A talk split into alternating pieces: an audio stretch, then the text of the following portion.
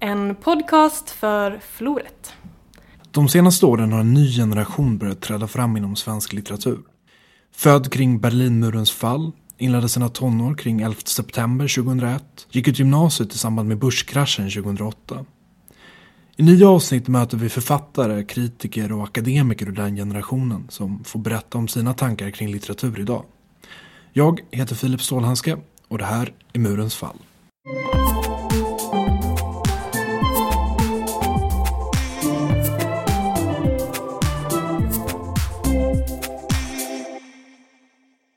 Viola Bau är masterstudent i litteraturvetenskap vid Köpenhamns universitet och den yngsta nuvarande medlemmen i Augustprisjuryn.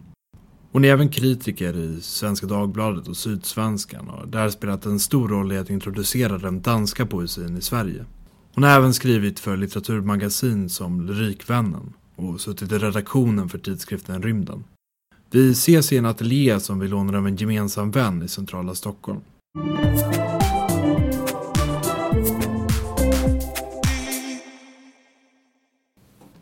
Jag tänker att eh, i den debatt som har förts i eh, Sverige, eller i, eh, i somras, mellan svensk, där man har jämfört, ganska flitigt jämfört den svenska och danska poesiscenen, så har man, eh, eh så har de liksom kontrasterats väldigt mycket mot varandra. Och eh, ibland kan jag tycka på ett överdrivet sätt. Eh, som när DN hade sin artikel som hette eh, Ett hav skiljer mellan svensk och dansk poesi. Och att eh, det, det, det, det, känns som en överdriven eh, liksom, eh, bild.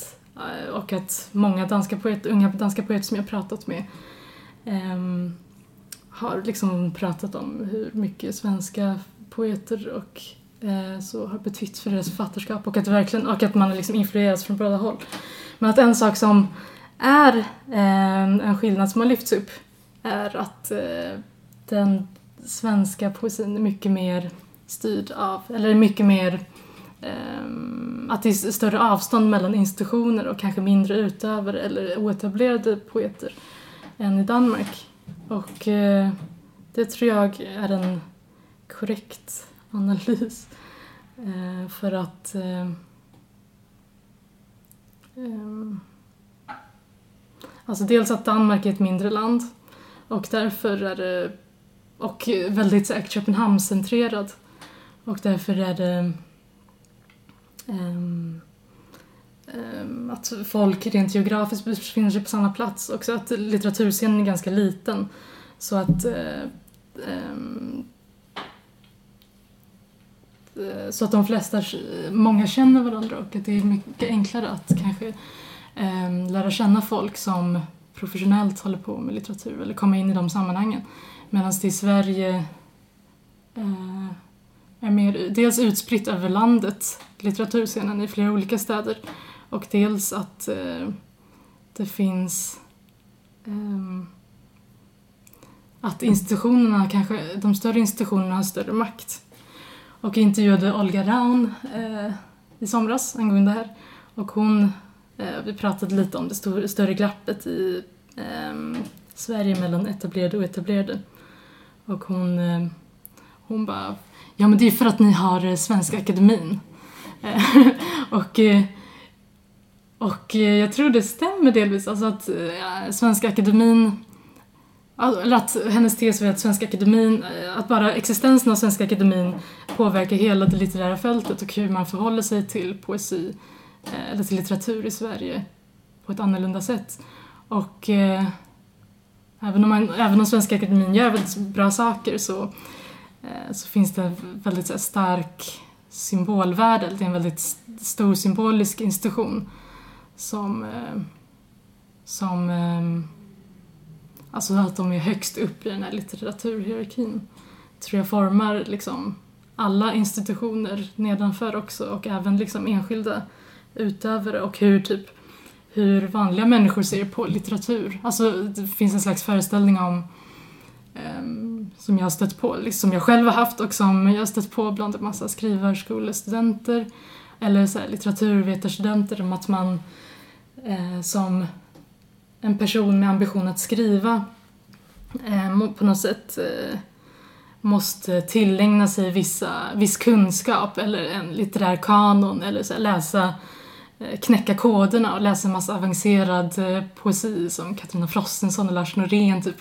för att, eh, för att överhuvudtaget ha rätt att skriva en dikt eller att eller att på något sätt att det är premissen för att man ska kunna skriva något substantiellt.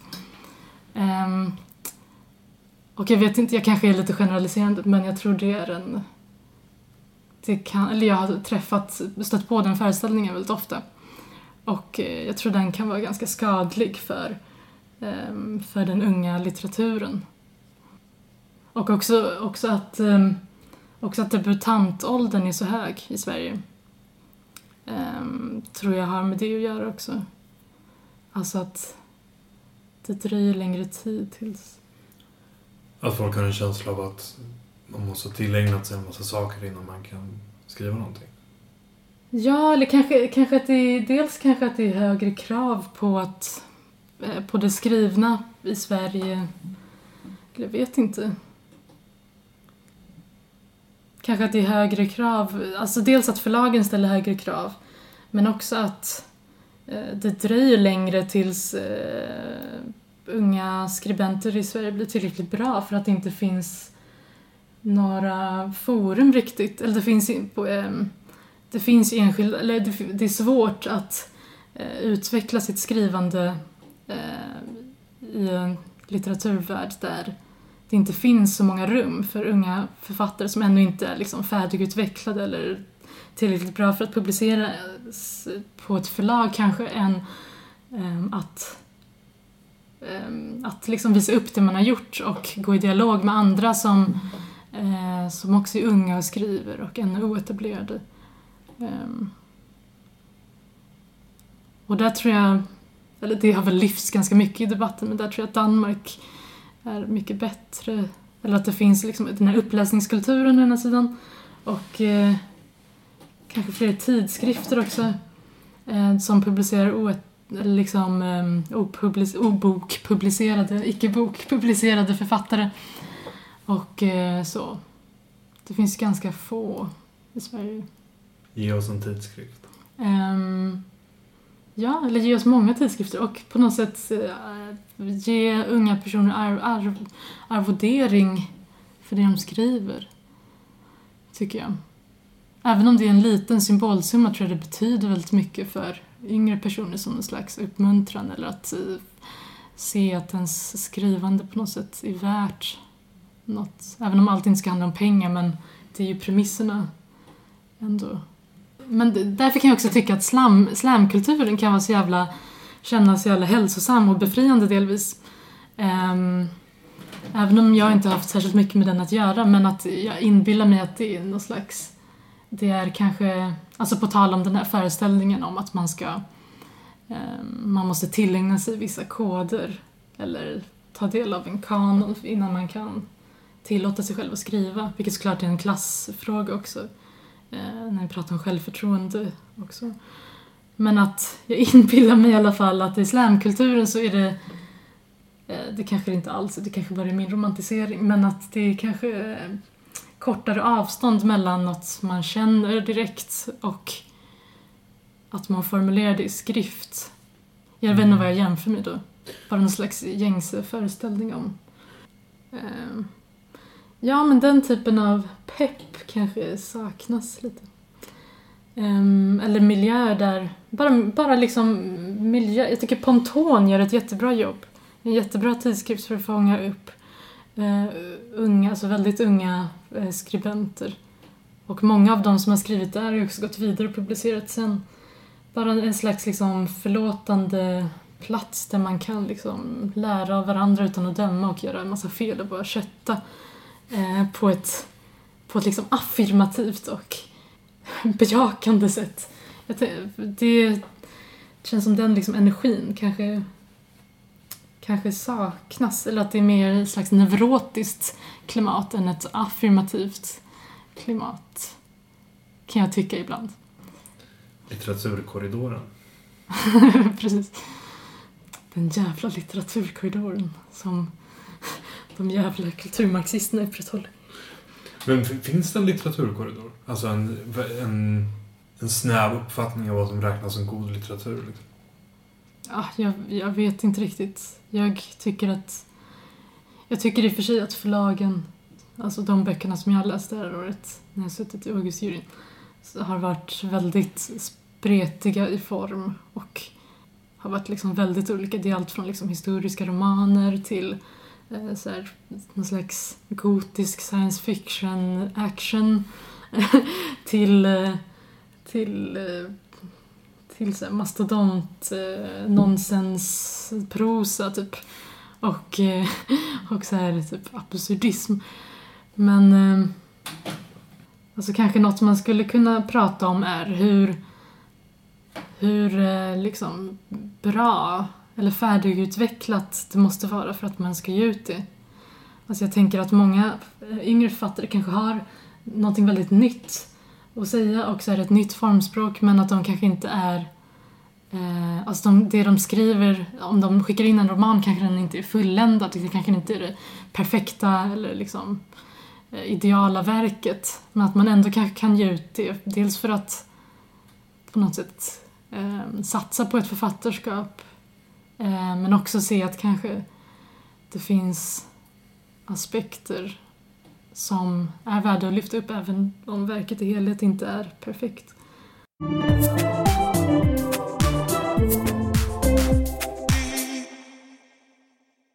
Du har skrivit en understreckare om eh, altlit, Alternative Literature. Där du pratar om hur den är särskilt lämpad för att tänka det digitala tillståndet. Vad menar du med det digitala tillståndet?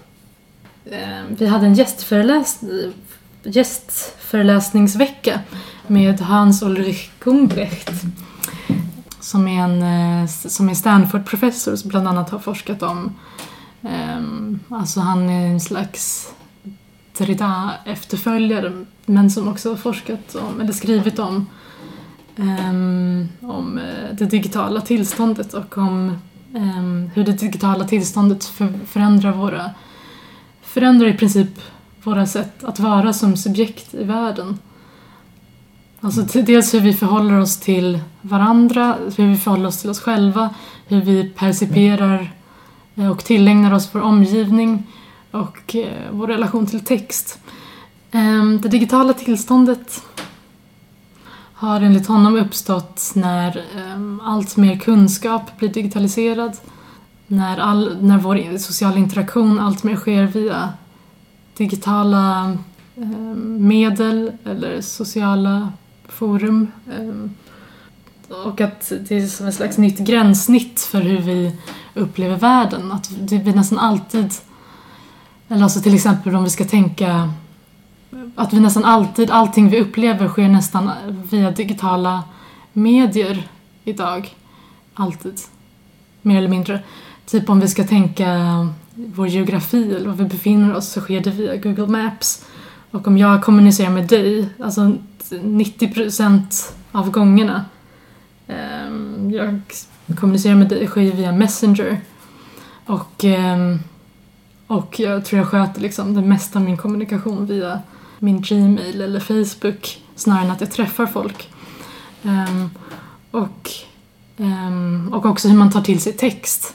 Alltså litterär text men också annan text. Att vi tar till oss ehm, text genom i en slags flöde av information ehm, på ett annat sätt. Att vi har um, skräddarsydda feeds eh, där vi eh, får liksom information eller nyheter ifrån.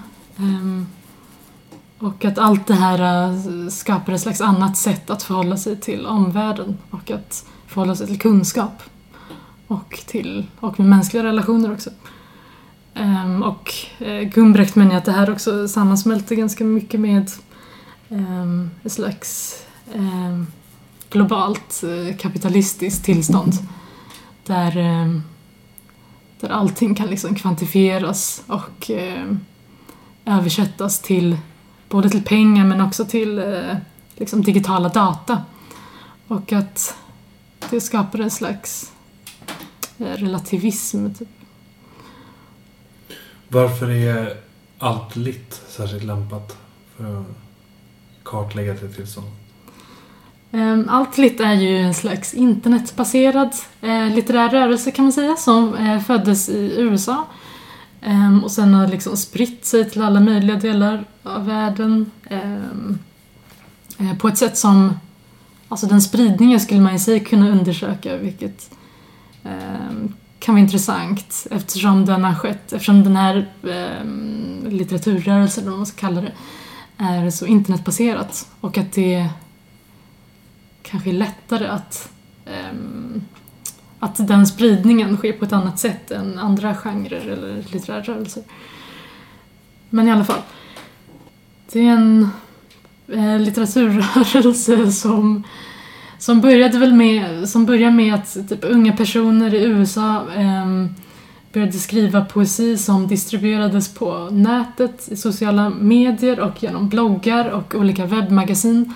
Och eh, skriver väl på ett ganska lättillgängligt eh, vardagsspråkligt sätt och ganska direkt sätt.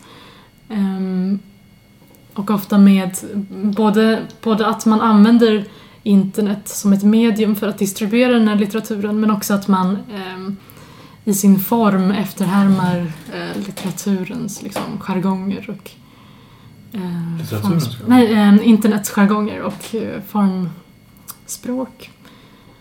Um, det finns folk som har skrivit liksom, Twitter-diktsamlingar. Um, eller använt bara Twitter som ett slags, um, ett slags medium för att distribuera sin poesi. 140 teckens poesi. Och... Uh, Men varför är den här litteraturen särskilt lämpad om man ska tänka det digitala tillståndet? Det här känns som en så otroligt töntig sak att prata om. Varför På något sätt. För att det är så coolt. Det är som att prata om eh, typ eh, jag vet inte, som att prata om Brooklyn Lager som en god öl. Den här ölen hade sitt ursprung i Brooklyn. Den har kommit i tio olika varianter och spritt sig till alla delar av världen. Jag drack faktiskt Brooklyn Lager i Beijing. Wow. Very global. Just mm. like internet, World Wide Web. Um, ja, mm. men att, eh, men, mm. det digitala tillståndet. Um, nej men alltså att, um, ja men de här författarna, det de här författarna sysslar med är väl att de på något sätt um, genom sin litteratur uttrycker sig på ett sätt som eh, vittnar om en slags tillstånd eller erfarenhet som har formats av att växa upp i eh, växa upp med liksom internet som eh, bästa vän och som ständiga följeslagare under hela ens uppväxt i princip. Och att man eh, eller alltså om man ska, jag som är litteraturvetare då, om man ska titta på hur folk tillägnar sig text Ehm, så tror jag att, det man, att man skumläser till exempel mycket mer idag. Och att man eh, eh, i de här ständiga flödena som man befinner sig i hela tiden, att man får en annan, att man kanske tillägnar sig lässtrategier som, som gör att man kan liksom ta, bearbeta väldigt stor, stora mängder information på väldigt kort tid och liksom skumläsa väldigt stora mängder texter och liksom eh, på något sätt få ut det mest eh, viktiga ur dem. Ehm, eller de röda linjerna. Men att man kanske också förlorar på något sätt en slags djupläsning eller en slags förmåga kanske att dröja i en text um, under en längre tid. Och, um, eller, liksom, eller att närläsa en text och att um, och att det påverkar ens, och att kanske här, låta en text förändra en på något sätt. Eller eh, och jag har en känsla av att liksom litteraturvet eller studenter eh, idag kanske kan väldigt lätt och väldigt snabbt ta sig genom, genom stora mängder text och eh, redogöra eh, för dem väldigt snabbt men att man eh, kanske mindre låter sig förändras av texten. Och eh, och att det har någonting med liksom, förhållande till kunskap att göra. Um, det finns ju vissa som säger att eh, subjekt, eller människan idag har blivit ett användarsubjekt mer än ett eh, bildningssubjekt. Och att eh, användarsubjektet är det som, ehm, som eh, tillägnar sig information. Och för att, liksom, alltså att information, eller kunskap har blivit information, det vill säga en slags bruksobjekt där man, gör, där man liksom, eh, använder kunskap, där man använder eh, informationen till att eh, göra något med den. Medan man förr i tiden kanske mer förhöll sig till text på ett sätt som eh, som eh, alltså som kunskap i sig, jag vet inte. Som bildning. Mm. Att det fanns ett egenvärde i bildningen som inte finns idag. Men eh, Gumbrecht, när han var i Köpenhamn och föreläste, han, han gjorde en väldigt stark poäng av att det varken behöver vara något bra eller något dåligt. Att det finns, det finns en väldigt så här, stark trend att både prata om, eh, om så här, eh, degenerering och bildningsupplösning eh, liksom, eller förfall eh, och, å ena sidan och å andra sidan alltså så här, dystopiska framtidsvisioner och å andra sidan eh, alltså utopiska Eh, berättelser om att tekniken ska frigöra oss. Ehm, men att båda är liksom ganska dogmatiska och att vi inte kan... Han menar att vi inte kan veta eh, på förhand att vi bara är i början av någonting som kommer liksom... Början av en process som kommer eh, förändra allt. Och att ehm, vi inte ens kan ana liksom om det är bra eller dåligt, bara att det är annorlunda. Och att vara liksom lyhörd för förändringar snarare än att eh, så tidigt i, på ett forskningsfält som är ganska liksom outforskat eh, fastslå några liksom moraliserande slutsatser. Alltså i Danmark finns det väldigt många poeter som har tagit till sig den här eh, allt allt rörelsen Och eh, delvis i eh, Norge också. Men eh, och delvis nu i Sverige också i och med att eh, den danska litteraturen har eh, lyfts upp i Sverige och svenska poeter har börjat influeras av dem. Um, och jag tänker att det både handlar om, som jag sa tidigare, att, eh, att man på något sätt efterhärmar en slags formspråk um, men också att man distribuerar sin litteratur på ett, uh, på ett internetbaserat sätt. Och mm. också en slags direkthet i liksom tilltalet i litteraturen som, som många ju upplever som väldigt träffande för kanske en yngre generation. Eller att man skildrar en slags yngre erfarenhet av att ha vuxit upp med digitala medier och sociala medier och aldrig ha varit utanför det och att hela ens liv liksom formas efter det. Men tror du den erfarenheten är så påträngande att liksom, det är meningsfullt att prata om en generations upplevelse som definierar den? Um, ja, det tror jag absolut. Eh, jag tror nästan... Alltså det, är väl, det skär väl genom alla klasser liksom. Att man eh, använder sociala medier och förhåller sig till internet dagligen. Um, och att ens och att ens eh, sätta till ens information om världen, alltså nyhetsrapportering och sånt, eh, har blivit mindre och mindre eh, den här liksom, tidningen som man fick, papperstidningen som man fick förr i tiden och mer och mer med, liksom, med bestämda nyheter som man fick läsa från eh, från eh, första sidan till sista. Ehm, Medan allting är mycket mer skräddarsytt idag. Och ehm, ja, man kan ju prata om åsiktsbubblor och så. Som jag tror är väldigt, eh, eh, väldigt specifikt för det digitala tillståndet.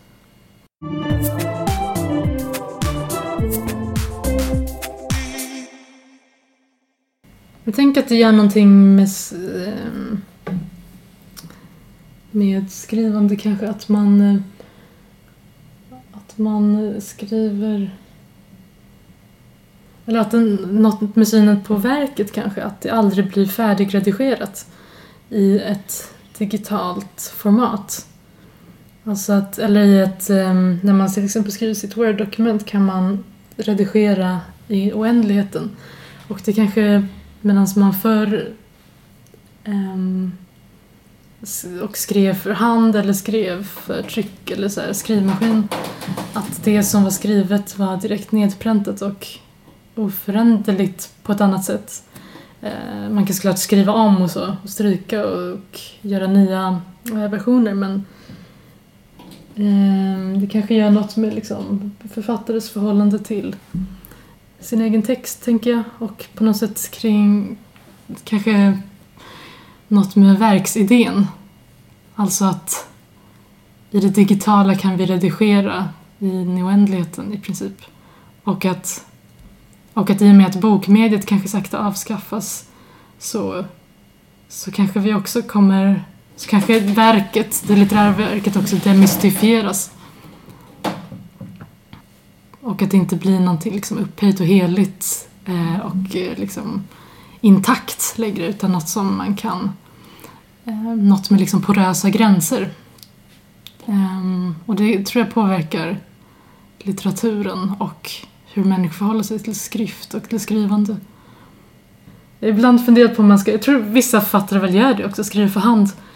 Eller att det finns eh, någonting, alltså det finns någonting neurosframkallande i själva Word-dokumentet tror jag. Att man kan redigera hur mycket som helst, för alltid. Att det aldrig är en färdig produkt. Nej, jag tror mediet påverkar både hur man liksom läser och hur man skriver. Eh, på ett ganska... Eh, på ett väldigt liksom grundläggande sätt på något sätt. Och hur man förhåller sig till text. Alltså att det är ett helt annat sätt att förhålla sig till text i, på en läsplatta än i en bokform. Och i... Um, och att man kanske inte märker den skillnaden eller att man kanske inte märker hur texten är definierad av sitt medium eller liksom format av sitt medium eller hur föreställningen om det litterära verket är format av sitt medium förrän det kommer ett nytt medium som sätter det första mediet i ett annat ljus. Tror jag. Jag tänker mig att Google Docs, jag kanske låter som en så här jättelöjlig, flummig eh, internetutopist nu. Men att Google Docs kanske är framtidens litteraturformat. Alltså att folk, eller liksom Wikipedia. Det låter som Theis Örntroft. Örntroft. Ja, eller att alla kan gå in i en text och redigera. Att eh, på något sätt, eh, till skillnad från det äldre liksom, bokbaserade verket där, eh, där det var en stor konstnär som var upphovsman och som skapade det stora verket med stort V. Så kanske framtidens verk, verk är, är det kollektiva skapandet med många aktörer. Mm. En, slags, eh, en slags horisontell litteratur. Mm. Och det, det, känns lite som, jag kan tycka att det känns lite, det, det är en ganska vanlig så här, trop typ. Mm. Eller en vanlig, liksom, väldigt utopisk, ganska förenklad kanske. Eh, att, in, alltså, att internet ska bli en slags eh, demokratiskt medium där alla kan uttrycka sig fritt på, på samma villkor och eh, där alla röster kan gå in och eh, forma internets innehåll som känns väldigt utopiskt. Mm. Eh, eftersom internet ju till stora delar styrs av stora företag liksom.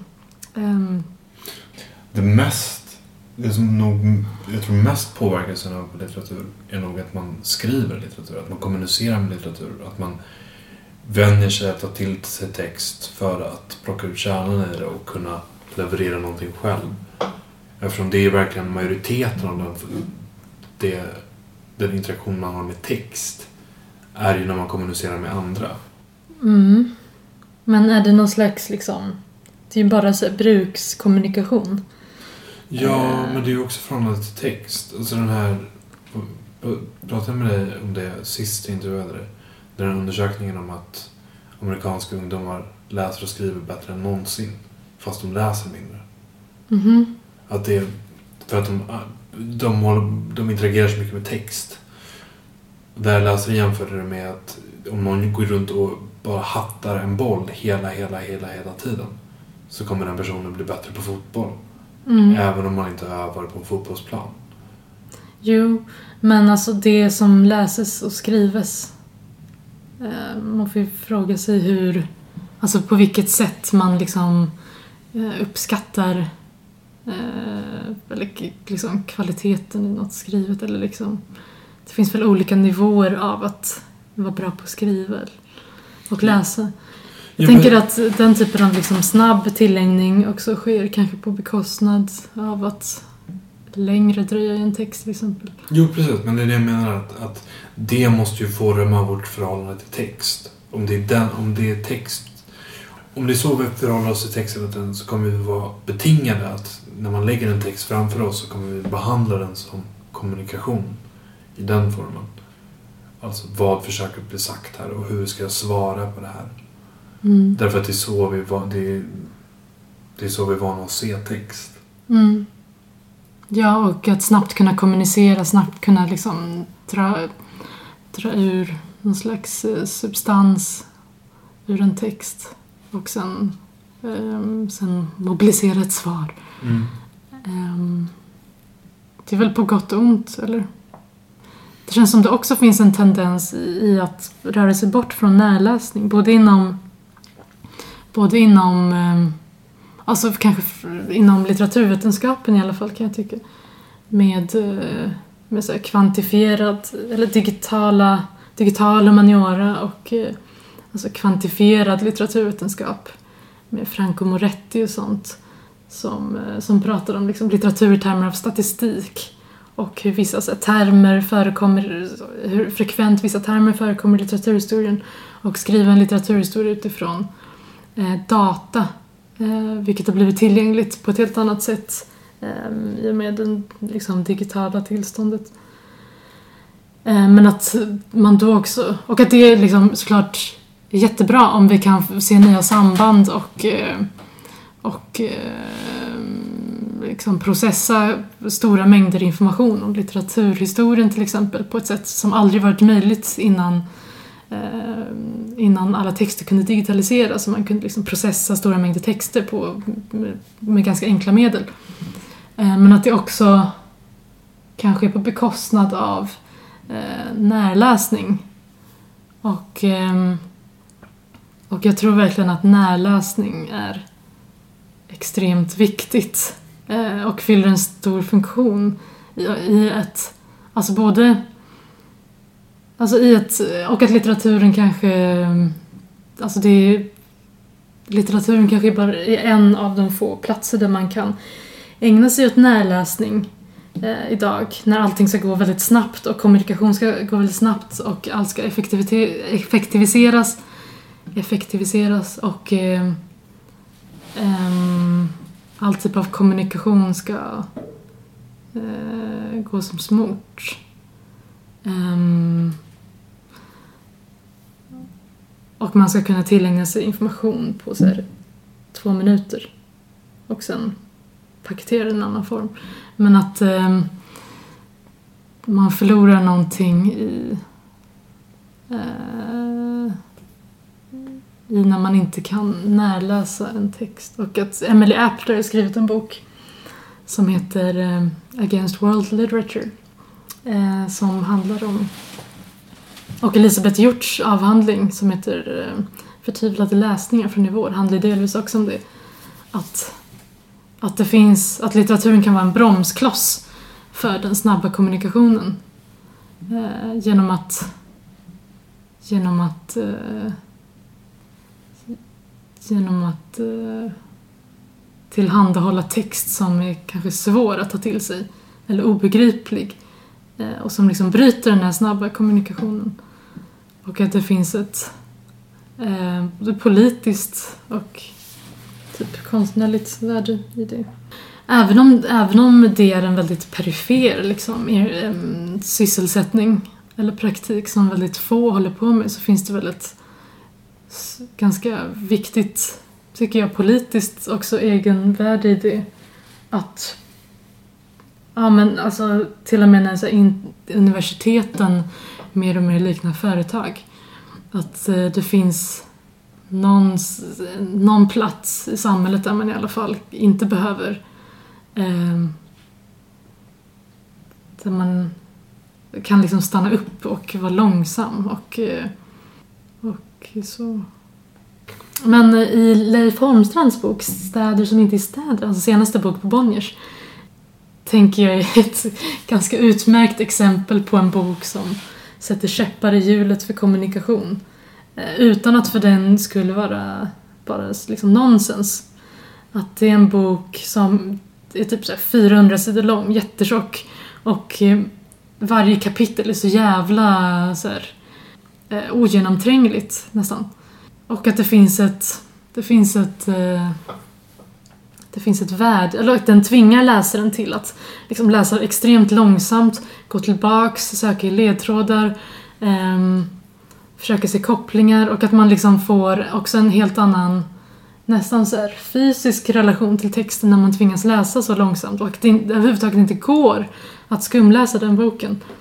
Och det kräver såklart att man är liksom privilegierad och har jättemycket tid och eh, så för att eh, kunna läsa den. Men att det känns som ett, eh, känns som ett eh, viktigt statement på något sätt. Eller att sådana eh, såna liksom verk också finns i, en, eh, i informationseran. Liksom. Elisabeth Hjort skriver i sin avhandling om att det finns ett etiskt, liksom, en etisk eh, eh, inte plikt, men det finns ett etiskt värde i att läsa långsamt och att träna sig i att läsa långsamt och lyssna efter det som inte eh, liksom kommunicerar direkt med en i en text. Eh, för att man också blir medveten om begränsningarna i ens liksom, världsuppfattning och lär sig att lyssna till kanske röster som är marginaliserade eller som inte får höras inom ramarna för, ehm, för en politisk diskurs till exempel och att det får liksom, väldigt, kan få väldigt politiska implikationer. Och Emily Apter har ju samma driver ju samma tes i sin bok om världslitteratur. Ehm, om vi ska kunna liksom tala om en global litteratur eller en global litteraturvetenskap så måste vi också eh, så måste vi också lyfta upp närläsningen och, och eh, erkännandet av det i texten som är svårt eller som är, som är svårt att ta till sig till exempel eh, litteratur från andra delar av världen. Du har lyssnat på Murens fall, en podcast för Floret av Filip Stålhandske. Illustrationer och logotyp är gjorda av William Sulka och gingen av Hannes Grönberg och Anton Wedding. I nästa avsnitt av Murens fall träffar vi Jack Hildén, författare och kritiker på Aftonbladet Kultur det är traditioner som lever kvar som inte längre riktigt infrias i verkligheten för debutanter. Som jag kommer ihåg till exempel, alltså, när det krockar, de, de anrika förlagen då till exempel med, med hur verkligheten ser ut för debutanter.